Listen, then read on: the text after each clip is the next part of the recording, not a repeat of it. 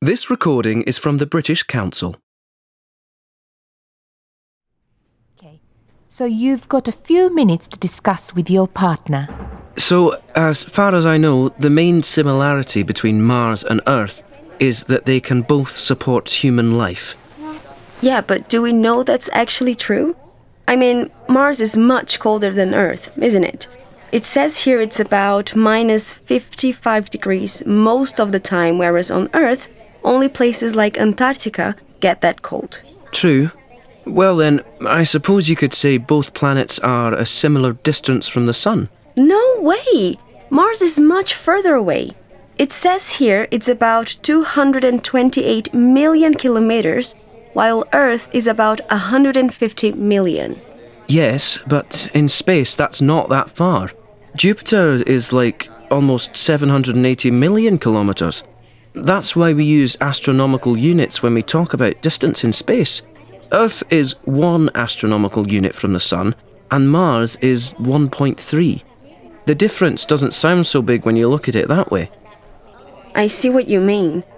Jupiter is 5.2 astronomical units, so I guess you're right. Um, what other similarities are there between the two planets? Hmm, let's see. Not the colour, obviously. Yeah, Earth is called the blue planet, and Mars is called the red planet for pretty obvious reasons. Their sizes are pretty different. Mars is about half the size of Earth. What about this? It looks like the days on both planets are almost the same length. Earth's day is 24 hours, but Mars's is about half an hour longer. You're right. Okay. Any other things they both share? Um, I suppose you could say they have water in common. Could you? How? Well, Earth is 70% water, and Mars probably had huge oceans in the past. It's just that most of the water there now is probably frozen. Ah, I see. I don't think we can say the air is the same, though. Most of Earth's air is nitrogen and oxygen. But Mars. Mars doesn't really have air, not compared with Earth. It's got about 1% as much air as Earth. Right, and it's mostly carbon dioxide. Gravity is another difference. I didn't know this, but Mars has higher gravity than the Moon.